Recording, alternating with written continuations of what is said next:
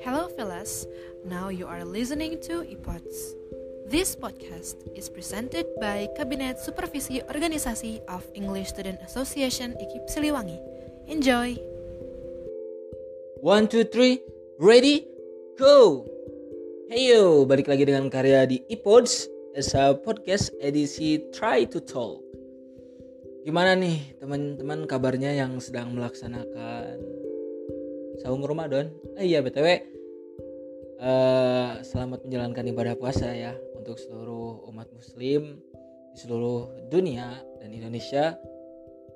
Eh, semoga dengan adanya Ramadan ini apa yang terjadi di bumi kita segera segera segera usai. Amin, amin, amin, amin. Yo, gimana nih kabarnya nih? Gak lama banget ya, gak ngomong-ngomong gitu, gak ngomongin sesuatu hal. Oke, untuk edisi Try to Talk kali ini, uh, kita akan ngebahas yang sedang happening banget nih di masyarakat. Setelah rame PSBB kemarin, yang memang sudah di uh, diimplementasikan di Jakarta ya, yang pertama gitu. Ada timbul beberapa uh, apa ya disebutnya ya masalah sosial mungkin lebih tepatnya ya masalah sosial yang kini ada di masyarakat. Nah sebelum itu teman-teman bisa cek dulu silahkan di podcast sebelumnya apa itu PSBB, bagaimana penanggulang eh bagaimana melaksanakan PSBB, terus eh, terus bagaimana sih prosedurnya gitu. Silahkan dicek di podcast sebelumnya. Nah, oh iya, FYI nih. Hey, for your information kemarin kan di podcast sebelumnya bilang bahwa Bandung nggak tahu tuh kapan gitu eh, menyelenggarakan PSBB kotaku gitu ya. Ali kotaku tempat main lah. Ya PSBB sekarang kalau di daerah tempat tinggal kami yaitu di Cimahi terus eh, Bandung Barat dan Kabupaten Bandung kota Bandung juga. Kemarin tuh tanggal 22 April pelaksanaannya.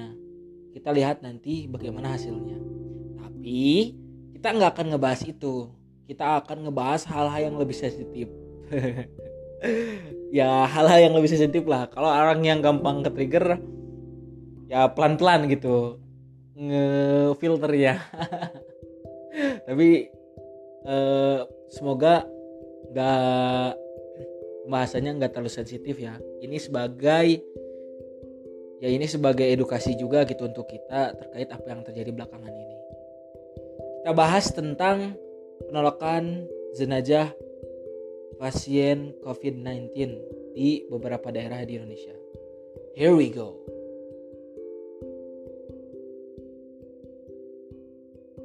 Oke, mungkin sebelumnya teman-teman sudah tahu gitu apa yang terjadi sekarang di Indonesia terkait COVID-19 ini yang semakin uh, kasusnya semakin meningkat ya dari pekan per pekan. Waktu di podcast sebelumnya eh eh data data yang saya pernah lihat terakhir nih tanggal 2 April kalau nggak salah itu baru menyentuh 2000 belum 2100 ya masih 2010-an gitu sekarang sudah hampir tiga minggu peningkatannya sangat besar bisa kita bilang hampir 50% tiap pekan karena sudah terkonfirmasi tanggal 26 April 2020 ini ada 8.882 kasus. Ada yang dirawatnya itu 7.032 pasien dan yang meninggal ada 743 pasien dan ini juga sebenarnya e, kabar yang mengembirakan ya karena total kesembuhan di Indonesia alhamdulillah sekarang mencapai 1107 pasien. Ini sangat e, membuat kita terenyuh ya. Maksudnya senang juga gitu ngedengar bahwa yang kasus sembuh sekarang sudah makin banyak.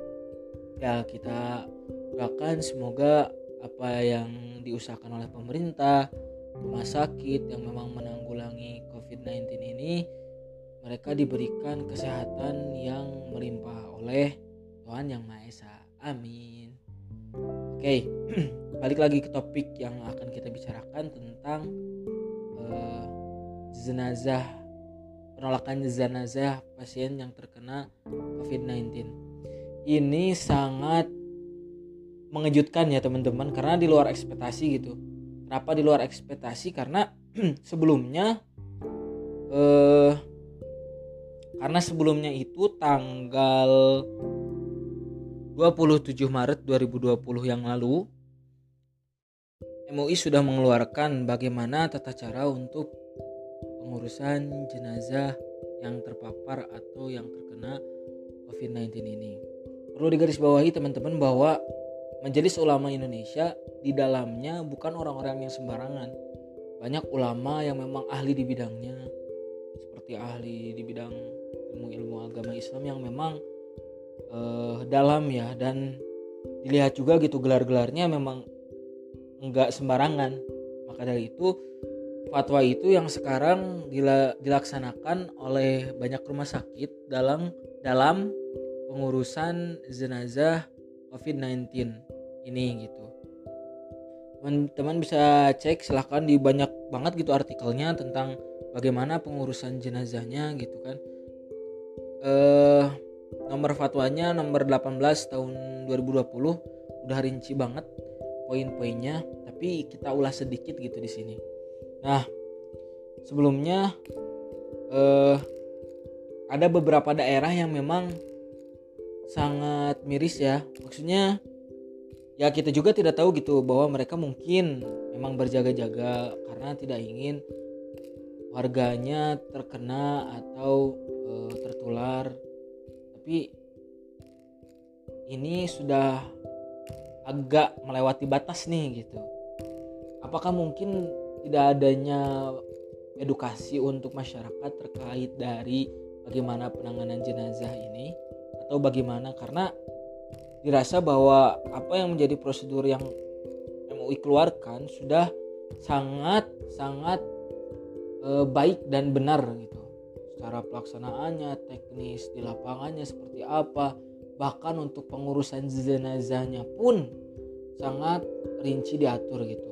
Nah tapi sebelum itu ada beberapa daerah yang memang menolak e, adanya pemakaman jenazah pasien COVID-19 di daerahnya gitu. Banyak nih kayak di Padang kemarin yang memang rame gitu, terus di Banyuwangi, terus di Makassar, ini terus di Solo, wah banyak banget gitu.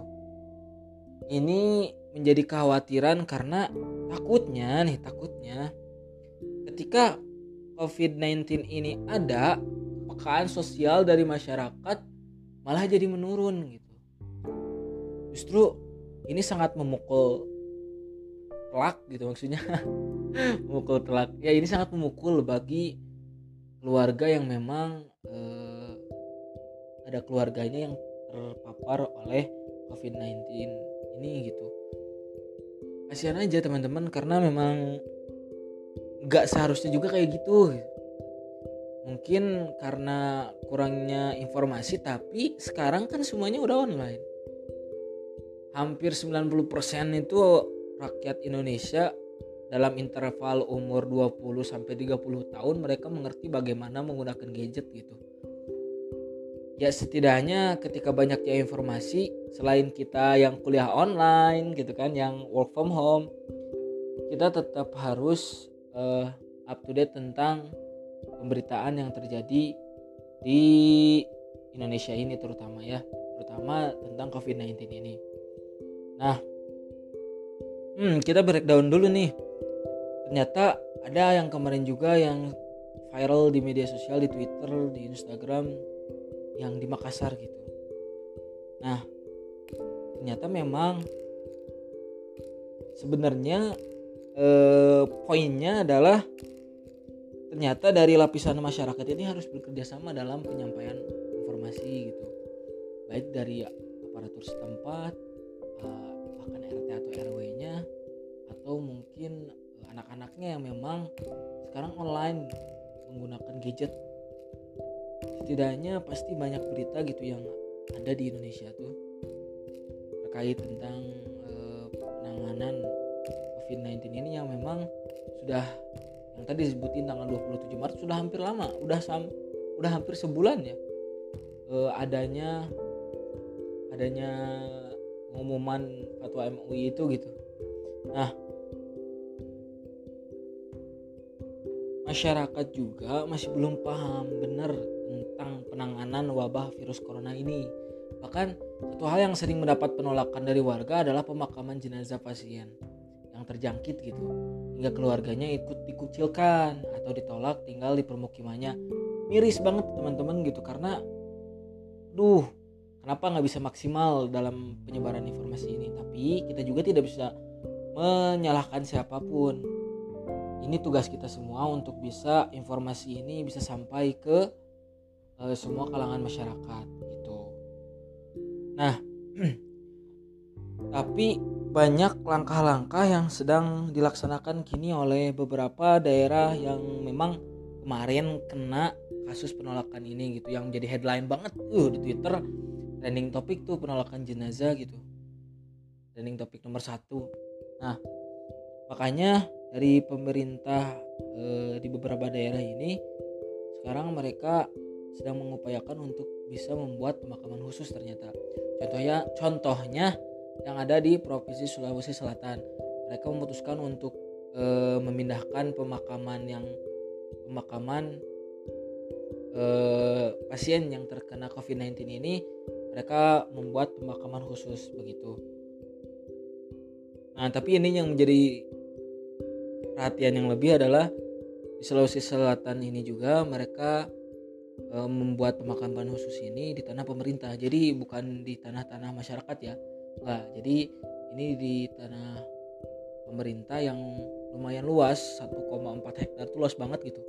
Dan yang bagusnya adalah mereka dibagi dua menjadi pemakaman e, teman kita yang non muslim dan pemakaman untuk yang muslim begitu. Nah, terlepas dari penanganannya ini harus ada kerjasama. Sekali lagi ini kerjasama yang paling diutamakan. Karena pemerintah tidak akan bisa sendiri gitu dalam penyebaran informasinya. Karena mungkin beberapa masyarakat masih tidak peduli dengan adanya eh, penanganan dari jenazah COVID-19 ini. Ini miris ya karena nantinya malah menjadi mengambing hitamkan pemerintah lagi. Mengkambing hitamkan uh, warga lagi. Jadi saling mengkambing hitamkan yang membuat resah di masyarakat gitu. Sedangkan headline di media kan kita tidak tahu bahwa memang banyak yang menghiperbolakan terkait headline yang ada di media. Ya kalau bahasa sekarang disebutnya clickbait gitu. Jadi ah jadi resah gitu sama masyarakat. Kasihan aja. Seakan-akan kita terus dicekoki berita-berita yang memang tidak valid bahkan ya makanya kita harus bisa pintar gitu sebagai masyarakat juga memilah memilih berita yang memang sebenarnya bagaimana sih kronologi dari awalnya jadi memang harus dilihat dulu dari faktanya seperti apa, masalahnya seperti apa, maka dari itu akan timbul solusi yang diharapkan. Seperti yang dibahas di beberapa artikel bahwa masyarakat harus diedukasi tentang bagaimana SOP yang diharuskan untuk mengurusi pemakaman atau e, pengurusan jenazah dari COVID yang terkena COVID-19 ini begitu. Nah, dari beberapa ormas Islam juga menanggapi terkait e, penolakan dari pemakaman jenazah pasien COVID-19 ini. Contoh yang ada di Sulawesi ini, mereka mengatakan bahwa jang warga tidak perlu menolak adanya pemakaman ini karena jika pemerintah dan para pihak telah menetapkan kuburan bagi jenazah COVID-19 sesuai protokol, maka tidak sebaiknya warga masyarakat menolak penguburan apalagi sampai meminta jenazah untuk dimakamkan dibongkar kembali dan dipindahkan. Ini sangat tidak manusiawi ya. Makanya banyak juga yang mengatakan bahwa ya pasien yang meninggal COVID-19 ini adalah sama-sama saudara kita gitu yang harus diperlakukan dengan penghormatan yang baik. Bahkan menurut eh, majelis Tarji Muhammadiyah salah satu ormas Islam pasien COVID-19 meninggal dunia yang sebelumnya telah berikhtiar dengan penuh keimanan untuk mencegah atau mengobatinya maka mendapat pahala seperti pahala orang mati syahid. Nah bukankah orang-orang yang katakanlah yang eh, muslim gitu mereka mengetahui bahwa sudah jangan khawatir yang pasien yang terkena COVID-19 ini mereka sudah berikhtiar semaksimal mungkin untuk bisa sembuh dan pada akhirnya bukan kita yang menentukan kematian ya. Jadi harus aware juga harus realize ke situnya. Masyarakat memang harus bisa lebih bijak dalam menangani atau dalam menyikapi hal ini begitu Nah, maka dari itu karena sebelumnya kita juga udah ngebahas bahwa adanya fatwa MUI yang memang sudah dikeluarkan, otomatis garda yang paling terdepan adalah pemuka agama di daerah tersebut. Mau itu yang non muslim ataupun yang muslim, mereka juga harus menyampaikan dan mereka juga harus up to date terkait dari eh, apa yang sebenarnya terjadi gitu. Saya rasa waktu satu bulan 27 Maret kemarin itu sangat luas untuk kita bisa memberikan edukasi kepada masyarakat. Walaupun misalnya sekarang kan pembatasan sosial e, berskala besar otomatis tidak ada kajian lekah atau e, ibadah di jika orang yang non muslim kan mereka ibadah di hari minggu gitu. Nah, ini jadi poin khusus untuk dari setiap muka agama menyampaikan bahwa masyarakat tidak perlu khawatir, masyarakat tidak perlu resah karena sudah ada SOP pemakaman pasien COVID-19. So, ini yang perlu kita perhatikan. Nah, bagaimana SOP-nya? Kita akan lihat dari fatwa MUI atau Majelis Ulama Indonesia tentang tata cara penguburan jenazah pasien COVID-19 dalam Fatwa MUI nomor 18 tahun 2020 dan edaran Direktur Jenderal Bimbingan Masyarakat Islam Kementerian Agama Republik Indonesia. Mungkin untuk eh, teman-teman kita yang non muslim ada ya SOP-nya dari muka uh, agama sendiri gitu. Nah, dalam fatwa MUI nomor 14 tahun 2020 tentang penyelenggaraan ibadah dalam situasi terjadi wabah COVID-19 terdapat poin bahwa pengurusan jenazah terpapar virus corona harus dilakukan sesuai protokol medis. Perlu digarisbawahi bahwa harus ada protokol medis dan dilakukan oleh pihak yang berwenang dan tetap memperhatikan ketentuan syariat. Nah, ini harus digarisbawahi karena teman-teman perlu mengetahui bahwa untuk uh, jenazah yang memang terpapar COVID-19 dan dia beragama muslim mereka harus diperlakukan sesuai dengan apa yang menjadi syariat tuntunan agamanya. Semua agamanya juga punya tuntunan syariat agamanya maka dari itu harus perlu diperhatikan dan kita juga harus aware terhadap itu. Nah terdapat empat tindakan pengurusan jenazah seorang muslim yaitu yang pertama nih memandikan, yang kedua mengafani, yang ketiga menyalatkan, dan yang terakhir adalah menguburkan. Yang ini yang perlu digaris bawahi lagi, ditandai lagi, distabiloan kalau perlu ya, distabiloin. Bahwa untuk proses memandikan dan mengafani ketika pasien COVID-19 meninggal, virus masih ada di tubuhnya dan dapat menular kepada orang berkontak dengan jenazah tersebut. Nah, dalam hal ini yang yang melakukan proses pengurusan penguburan jenazah COVID-19 berdasarkan fatwa MUI nomor 18 tahun 2020, langkah-langkahnya adalah pertama, proses penguburan jenazah harus dilakukan sesuai dengan ketentuan dalam syariah dan protokol medis. Kita juga tahu ya, yang melakukan protokol medis di sini bahwa mereka harus standar APD harus memakai APD terus mereka juga harus mengikuti bagaimana e, dari syariat Islam itu sendiri atau agama yang lainnya juga gitu. Terus yang kedua jenazah yang sudah melalui proses sebelumnya sesuai aturan medis kemudian langsung dimasukkan bersama dengan peti ke liang lahat atau liang kubur. Hal ini dilakukan tanpa harus membuka peti plastik dan kafan dari jenazah tersebut nah itu yang perlu diperhatikan ya karena kita juga tahu bahwa di tadi sudah disebutkan bahwa virusnya masih ada di dalam tubuh pasien ini gitu. Terus yang terakhir adalah penguburan beberapa jenazah dalam satu liang lahat diperbolehkan karena sudah termasuk dalam ketentuan al darullah al syariah atau kondisi yang darurat. Untuk secara lengkapnya silakan teman-teman bisa membuka fatwa yang telah dikeluarkan oleh MUI ini. Karena fatwa yang dikeluarkan adalah untuk pengurusan jenazah muslim ya. Jadi mungkin yang non muslim atau teman-teman kita yang memang di luar agama muslim ada petunjuk-petunjuk sendiri yang dikeluarkan oleh pemuka agamanya tersendiri nah di fatwa MUI nya sendiri sudah lengkap teman-teman. Baik eh, dari step yang pertama tadi memandikan itu udah dijelaskan secara rinci harus seperti apa terus dalam proses eh,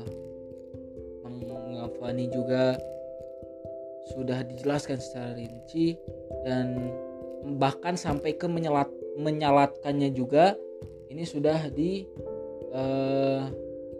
uh, oleh fatwa MUI ini. Jadi silakan teman-teman bisa baca bagaimana baiknya silakan disikapi dengan bijak karena yang perlu kita ketahui adalah Jangan sampai kita kehilangan rasa manusiawi untuk memanusiakan orang lain. Jangan pernah mempunyai egois yang tinggi ketika situasi seperti ini karena kita tidak tahu apakah kita selanjutnya yang akan dimakamkan seperti itu atau bahkan mungkin apakah kita yang akan ditolak seperti itu. Kita juga harus tetap menjunjung tinggi rasa simpati kita kepada keluarga yang memang anggota keluarganya yang terkena eh, COVID-19 ini memberikan support terbaik, dukungan terbaik. Jangan sampai, jangan sampai ada keluar dari omongan kita menyakiti hati mereka, bahkan mengucilkan mereka. Karena mereka perlu penyembuhan mental juga selain dari uh, penyembuhan medis ya. Karena yang paling penting adalah mental, bukan hanya sekedar imun ketika mental sudah baik maka imun akan baik dan kita pun akan bisa semakin memperluas jarak bahkan semoga hilang gitu COVID-19 ini di Indonesia dan kita bisa beraktivitas seperti biasanya. Bukankah teman-teman sudah e, merindukan bagaimana rasanya tarawih berjamaah kan? Ke masjid berjamaah. Bahkan yang mungkin ngeceng-ngeceng di masjid gitu ya. Uhti-uhti yang sedang melakukan tarawih itu pasti terjadi. Dan saya juga pernah merasakan. Tapi bukan ke situ poinnya. Itu hanya sebagai selingan ya. Tapi alangkah sangat menyenangkan gitu. Ketika virus ini belum datang semua terlihat baik-baik saja tapi ketika virus ini datang semua menjadi tidak baik-baik saja. Tapi yang perlu digarisbawahi adalah semuanya ada hikmahnya teman-teman. Semuanya ada pelajaran yang perlu kita ambil. Contoh kita menjadi punya waktu yang luang untuk keluarga yang biasanya mungkin bekerja dari pagi sampai malam belum bisa melihat pertumbuhan anak. Sekarang sangat bisa dan bahkan ikut andil untuk eh, lahiriahnya batinnya melakukan edukasi kepada anak. Terus yang mungkin mahasiswa mahasiswa nih mahasiswa mahasiswa kayak kita kita gitu yang memang kebanyakan waktunya di kampus sekarang bisa di rumah bersama keluarga membicarakan hal-hal mendiskusikan uh, suatu permasalahan dengan pikiran-pikiran yang terbuka ala-ala mahasiswa gitu tapi ya jangan sampai adanya virus uh, corona corona ini atau covid-19 ini membuat rasa manusiawi kita semakin menurun justru yang perlu kita kembangkan sekarang di masyarakat adalah membuat berita-berita menyenangkan seperti halnya tidak perlu khawatir sekarang jika teman-teman ingin melakukan ibadah atau mendapatkan ilmu. Sekarang sudah banyak di YouTube, di Facebook, di uh, Zoom bahkan atau aplikasi media sosial masa yang lainnya. Mereka menyediakan materi keagamaan, terus pembelajaran yang dirasa kita bisa mengaksesnya kapan pun. Kita bisa melihat dari mana pun kita bisa melihat sedang uh, mungkin sekarang lagi Ramadan nih lagi masak ngedengerin kajian gitu kan ya. Lagi masak ngedengerin uh, obrolan diskusi yang sekarang banyak dilaksanakan oleh para penggiat berita gitu. Terus atau bahkan teman-teman bisa melihat konser musik tidak harus berdesak-desakan ya seperti biasanya gitu. Kita bisa sambil ngulek sambel terus masakin untuk istri atau istri untuk masakin untuk suami ya. Bisa jangan salah. Suami harus bisa memasak untuk istri gitu. Nah ini sangat banyak hikmahnya. Jadi jangan sampai kita terus mengeluh gitu. Kita harus sama-sama membuat ini bisa semakin ber, berkembang dalam penyembuhannya. Dan teman-teman jangan sampai mempunyai stigma atau paradigma yang ini justru melunturkan semangat dari sahabat-sahabat kita, saudara-saudari kita yang ada di garda terdepan. Saya sendiri sangat mengapresiasi untuk mereka yang sudah berjuang mati-matian, relakan semua hal, materi, kesehatan, segala macam untuk bisa membuat Indonesia sembuh. Nah, maka dari itu, tetaplah jadi manusia yang manusiawi, tetaplah jadi orang yang mampu menghargai, tetaplah menghargai untuk mencapai kedamaian yang abadi. Saya Karya Nur Sidik, edisi Try to Talk kali ini pamit undur diri. Mohon maaf apabila banyak sekali kesalahan. Kita balik lagi di iPods Esa Podcast selanjutnya. Jangan lupa teman-teman kalau teman-teman ingin mendapatkan banyak informasi tentang COVID-19 ini kita dari ESA IKIP Siliwangi English Student Association IKIP Siliwangi selalu mengupdate atau mengupdate ya eh, informasi-informasi terkait virus corona atau COVID-19 ini. Perkembangannya seperti apa di Indonesia bisa dicek Instagramnya di Esa underscore Siliwangi. Dan di situ juga banyak sekali informasi terkait apa aja nih yang perlu teman-teman lakukan di rumah. Terus jangan lupa ada challenge-challenge yang bisa diikuti oleh teman-teman. Silahkan di cek aja ya IG-nya at underscore Siliwangi. Banyak challenge yang menarik dan hadiah yang menarik juga. So, ipod sekali ini berakhir edisi Try to Talk kali ini kita membahas hal yang lebih sensitif ya. Jadi tolong teman-teman filter lagi, tidak bermaksud untuk e, mengucilkan yang ini, yang terus e, mengklasifikasikan yang ini, tapi silakan disikapi secara bijak. Semuanya disampaikan secara jelas agar tidak ada ambigu gitu ya di antara kita. Jangan ada ambigu di antara kita. So, semoga apa yang saya sampaikan di iPods kali ini, di edisi Try to Talk ini bermanfaat untuk teman-teman semuanya. Karya Nur Sidik pamit undur diri.